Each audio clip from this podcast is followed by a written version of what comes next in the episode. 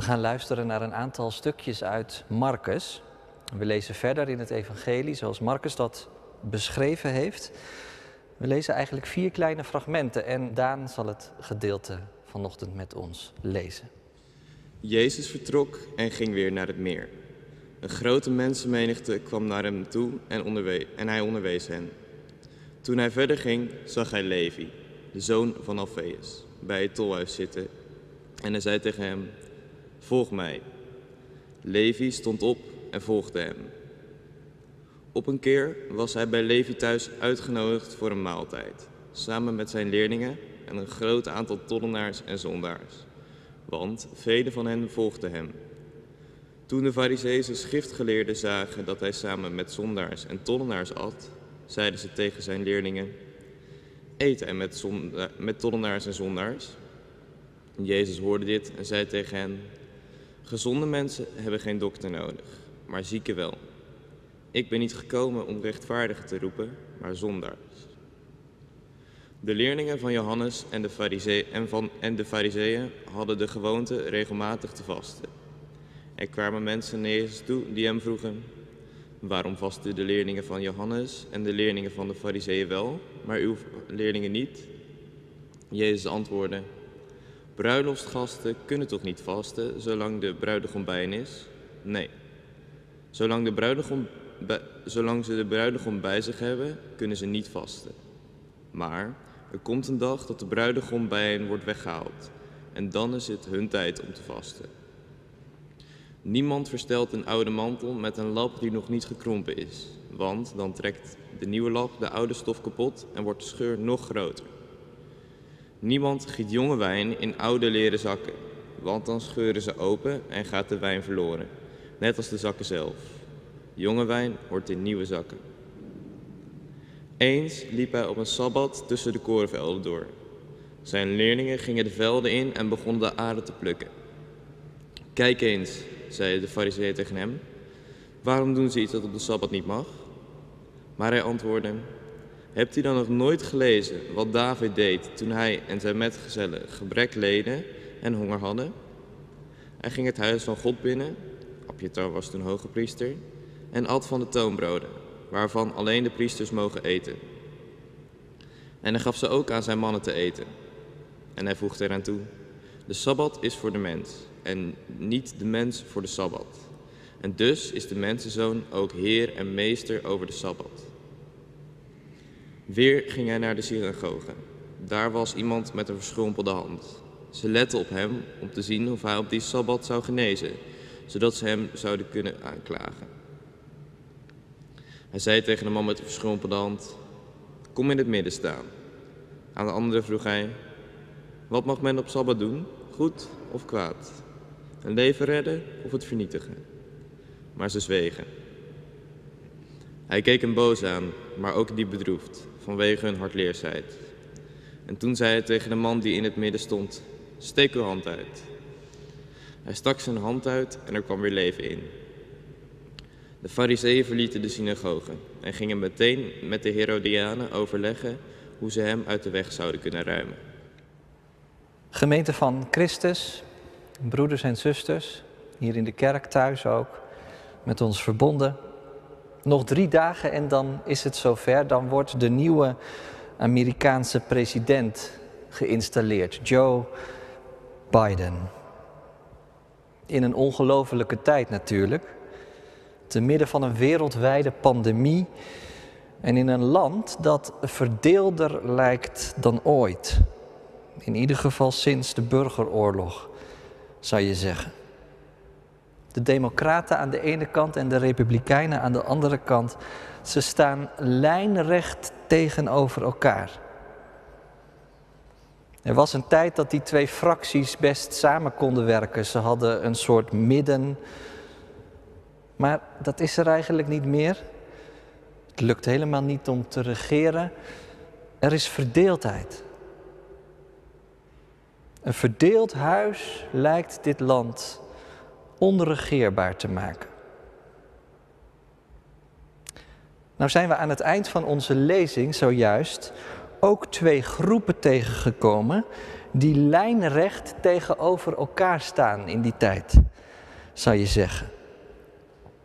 Dat zijn de Fariseeën aan de ene kant en de Herodianen aan de andere kant. Maar heel opvallend, ze sluiten in deze tekst een monsterverbond. Ze hebben namelijk een gezamenlijke vijand gevonden. Jezus van Nazareth, een leraar uit Galilea, die blijkbaar zo buiten de boot valt dat ze er allemaal bang van worden. Dat zegt wel iets over hem, vind je niet? Het is bijna ironisch, want Jezus doet hier iets wat wij mensen over het algemeen heel nobel vinden. Hij verbindt. Verbinden, dat is een soort toverwoord geworden in onze tijd. Nou, Jezus is een verbinder. Maar wel op een hele andere manier dan je zou denken. Hij verbindt hier twee groepen mensen aan elkaar omdat ze zich herkennen in de anders haat en ergernis ten opzichte van Jezus. En in deze vraag, wie ben jij eigenlijk, Jezus? Waarom kom je ons storen? Waarom zet je onze veiligheid en onze reputatie op de helling? Ga weg. Nou ja, op een bepaalde manier zet dat de toon voor de rest van het evangelie, wat eigenlijk nog maar net begonnen is, het evangelie van Marcus. Er zijn drie pagina's of zo op weg en, en dan dit. Ze willen hem uit de weg ruimen. En zo komt die Jezus vanochtend op ons af. En het zou zomaar kunnen dat je die vragen herkent die Marcus op wil roepen. Wie is Hij? En wat betekent Zijn aanwezigheid in je leven? En zou je het aankunnen als Hij je leven op zijn kop zet? Of brengt Hij misschien wel evenwicht? Dat kan ook. Nou, we gaan vanochtend naar die fariseeën kijken en naar die Herodianen, maar we beginnen bij die eerste groep. Ze spelen een heel belangrijke rol in het evangelie van Marcus. En in het gedeelte dat we vanochtend lazen komen ze eigenlijk al een heel aantal keer voor. En steeds op dezelfde manier staan ze een beetje op afstand met argusogen te kijken naar wat die vreemde rabbi uit Galilea allemaal aan het doen is. En ze geloven hun eigen ogen niet, want het gaat van kwaad tot erger. Neem nou die genezing op de Sabbat. Heel sympathiek natuurlijk. Iemand met een verlamde hand, genezen. Maar kon dat nou niet één dag wachten? Natuurlijk, de wet van Mozes opende best de mogelijkheid om iemand die ziek was te genezen op de Sabbat, maar dan moest het wel een levensbedreigende situatie zijn. En wees eerlijk, een verdorde hand, daar kun je toch nog wel een dagje mee leven. Kan je die man nou echt niet morgen helpen? Maak een afspraak en genees hem een andere keer en op een andere plek. En dan die leerlingen van Jezus. Een zooitje ongeregeld, ongedisciplineerd tot op het bot. Terwijl de leerlingen van elke denkbare rabbi regelmatig vasten, een tijdje tot bezinning komen. Doen deze rauwe bonken dat eigenlijk nooit. Ze leven alsof ze nu al in het paradijs zijn. En alsof dat nog niet genoeg is, ook zij houden zich op geen enkele manier aan de regels van de Sabbat. De Fariseeën hebben het zelf gezien. Ze lopen door de velden op Sabbat ze pakken aren en ze wrijven de korrels fijn in hun handen en ze eten het vervolgens ook nog eens op. Dat is gewoon oogsten. Ten strengste verboden op de Sabbat. Kortom, de fariseeën gruwen van deze rabbi en van zijn leerlingen. En dat is, als je eerlijk bent, echt niet alleen maar uit afgunst of uit wetticisme. Nee, ik denk dat het ook echt wel met hun eigen verlangen te maken had. Ze waren geobsedeerd door die wetten en niet voor niets. Las ergens dat iemand schreef dat er bijvoorbeeld onder de Joden in die tijd een heel sterk verlangen was dat er één sabbat zou zijn waarop iedereen zich gedurende die ene sabbat aan alle regels van God zou houden.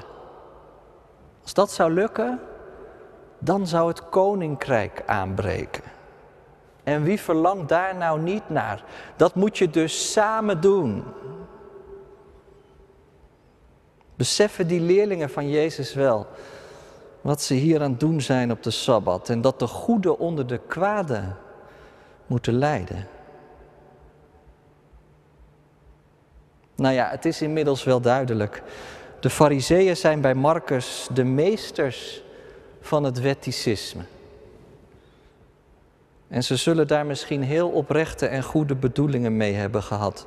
Maar zonder het te weten zetten ze nota bene de Zoon van God weg als een zondaar. Deze Jezus deugt niet, zeggen ze. Hij past niet bij ons leven. En hij past niet in ons wereldbeeld. En hij past niet in onze samenleving.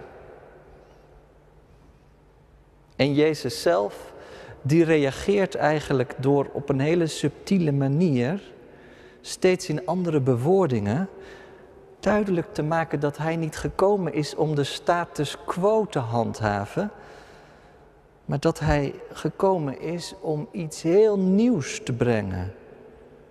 Jonge wijn in nieuwe zakken, dat. Iets nieuws dat je leven kan laten bruisen. En dat je altijd verder laat kijken dan die regels alleen. Iets nieuws waardoor je leert omdenken. Jullie weten het toch wel, de Sabbat is er niet voor de mens. De Sabbat is er voor de mens en niet de mens voor de Sabbat. Natuurlijk, zegt Jezus. Het is goed om de regels ten aanzien van de rustdag te houden. En tegelijkertijd kunnen er altijd dingen zijn die zwaarder wegen. Honger bijvoorbeeld of genezing. Die wet van Mozes die staat niet op zichzelf, maar die dient een doel. Je deugt pas echt als je dat doel voor ogen krijgt. En als je daarnaar leeft. God liefhebben boven alles en je naaste als jezelf. Nou, dat zijn dus die fariseeën. En, en eigenlijk vormen die fariseeën natuurlijk wel een beetje een spiegel. Ik weet niet of jij ze ook herkent. Maar als ik eerlijk ben, ik zie er eigenlijk soms wel iets van mezelf in. Dat je zo je best doet om te deugen. Maar waarom eigenlijk? Omdat je het echt allemaal zo goed weet? Omdat je echt het beste met de wereld voor hebt? Dat kan natuurlijk en dat is heel goed. Maar tegelijkertijd, soms wil je ook gewoon deugen om op die manier een ander terecht te kunnen wijzen. Dat jij er nog redelijk afkomt. Als je jezelf vergelijkt met je buurman. Ik denk dat dat gewoon heel diep in ons zit, als we eerlijk zijn. Dat zit ook heel diep in onze manier van denken en in onze manier van kijken naar anderen.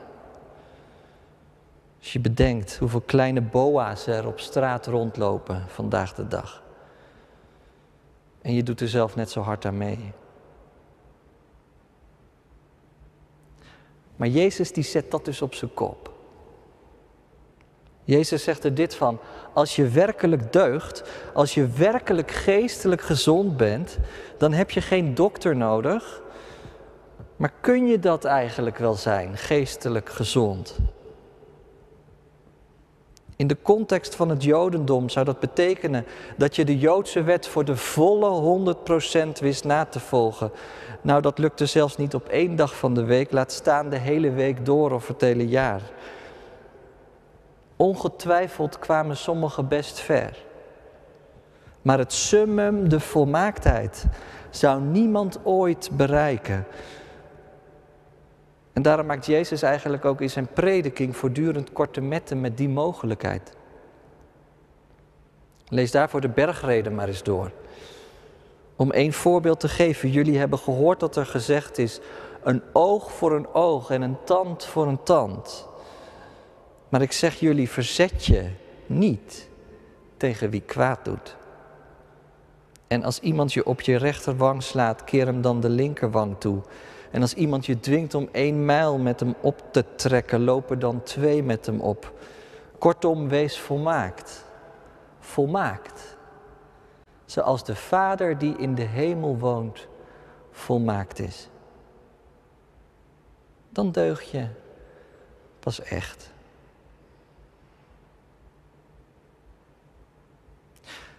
En dat brengt vanochtend dan eigenlijk bij die andere partij, bij de Herodianen.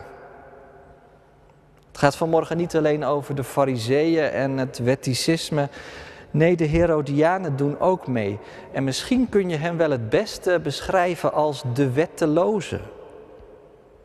Natuurlijk, ze hadden hun eigen wetten.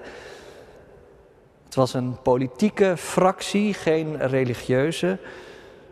Ze waren nogal gecharmeerd van het beleid en de politiek van Herodes de Grote. Nou ja, dan weet je het wel. Dat is dezelfde Herodes die een paar weken geleden hier nog langskwam. In een preek over de kindermoord en de gebalde vuist van het kind. Dat is de Herodes die eerst en vooral uit was op zijn eigen gewin een tiran en een despoot. Alles zou in het heden nu moeten gebeuren. En hij had er alles voor over om maar een goed leven te kunnen leiden. Zelfs de ergste machtshebbers vandaag de dag verbleken erbij. En Herodes de Grote werd daarom door iedereen gehaat. Maar dat kun je ook wel zeggen van iemand anders die we tegenkwamen in de tekst. Aan het begin. Van Levi, de tollenaar. Hij maakt helemaal deel uit van het politieke systeem in die tijd. Misschien werkte hij wel voor Herodes en anders werkte hij voor de Romeinse bezetter. Levi was namelijk een belastinginspecteur. En dan niet eentje waar je één keer per jaar je belastingaangifte gaat doen. Nee, misschien zagen de vissers in Capernaum wel elke werkdag. Hij werkt namelijk in een tolhuis. En dat huis dat stond misschien wel bij de haven of op een brug. Je kunt je voorstellen dat de vissers iedere dag thuis kwamen met hun bootje en met hun vangst. En dat Levi dan al op de kant stond met een weegschaal in zijn hand om te kijken hoe hoog de premie vandaag zou zijn. Levi, dat is de man van wel de lusten, maar niet de lasten. Niet werken keihard, maar wel een stukje van de opbrengst. Zo moeten de vissers in deze streek Levi gezien hebben. Als een verrader, een overloper, een dief. Als er nou één mens niet deugt, dan Levi. Maar dan begrijp je wel hoe bijzonder het is dat het uitgerekend in Levi's huis is, waar Jezus en zijn leerlingen op een gegeven moment op een diner worden uitgenodigd. Hebben die fariseeën dan toch gelijk? Je zou het bijna denken. Jezus, hij heult met deze wetteloze tollenaar. En toch is hier iets anders aan de hand. Want Jezus zit niet bij Levi om hem te bevestigen in zijn wetteloze gedrag. Nee, Jezus zit bij hem aan tafel omdat hij hem geroepen heeft. Volg mij, Levi, uit dit wetteloze bestaan. Want ik wijs je een andere, een betere weg. Ik hoop dat je een beetje kunt invoelen wat dat eigenlijk betekent. Sommige mensen denken dat christenen vooral mensen van de regels zijn. Anderen zien hen juist als burgers die de regels op allerlei manieren aan hun laars lappen. Maar Jezus is het niet om het wetticisme te doen en ook niet om de wetteloosheid. Nee, het gaat hem om de mens. Om die mens de weg te wijzen.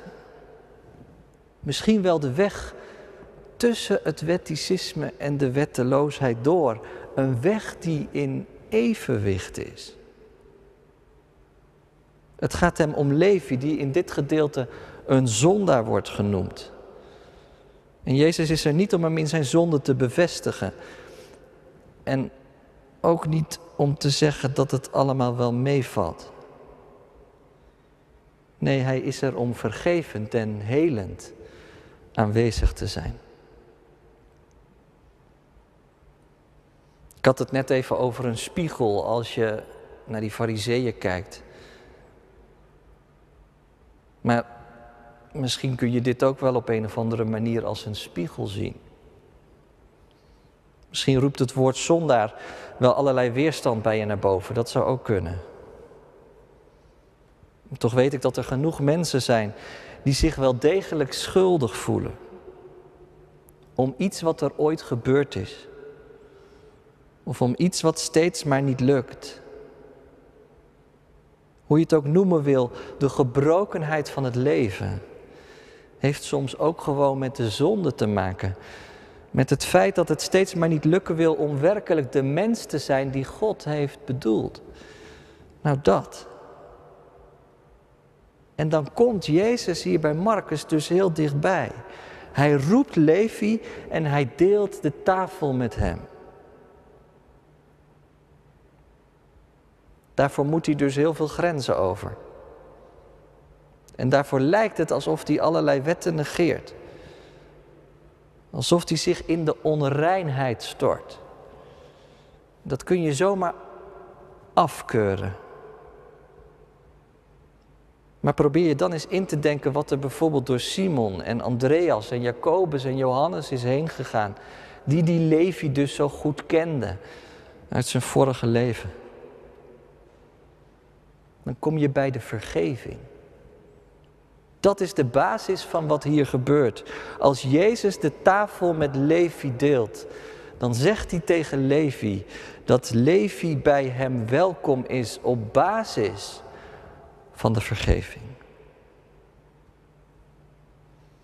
En zo zie je dat in dit evangelie van Marcus, en dat zullen we nog veel vaker tegenkomen, tussen de regels al van alles duidelijk wordt wie Jezus eigenlijk is. De vraag wie is hij speelt in Marcus een hele belangrijke rol.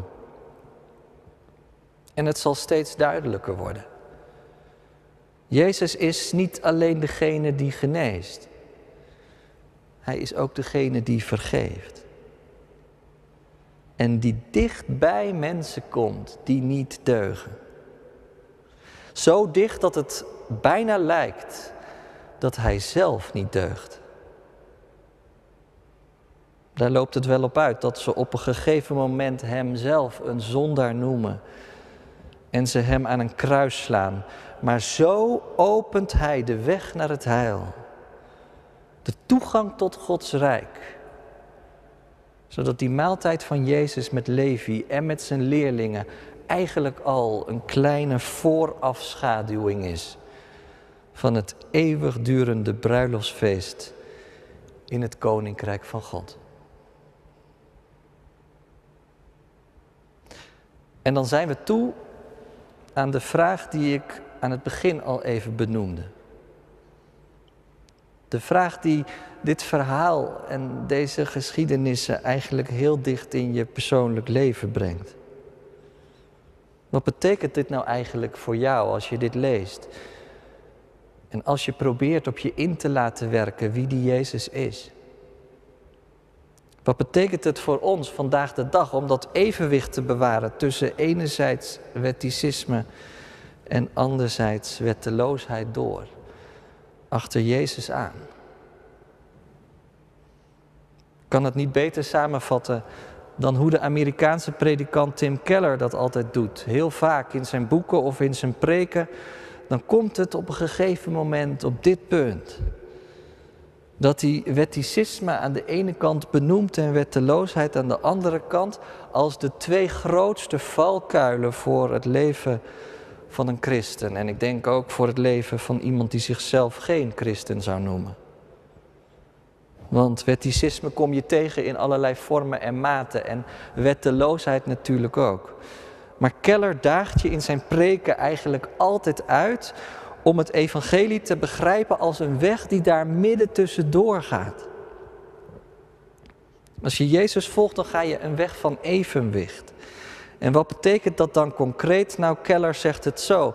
Dan kom je erachter dat je eigenlijk slechter bent dan je ooit had kunnen denken. Weet je wel?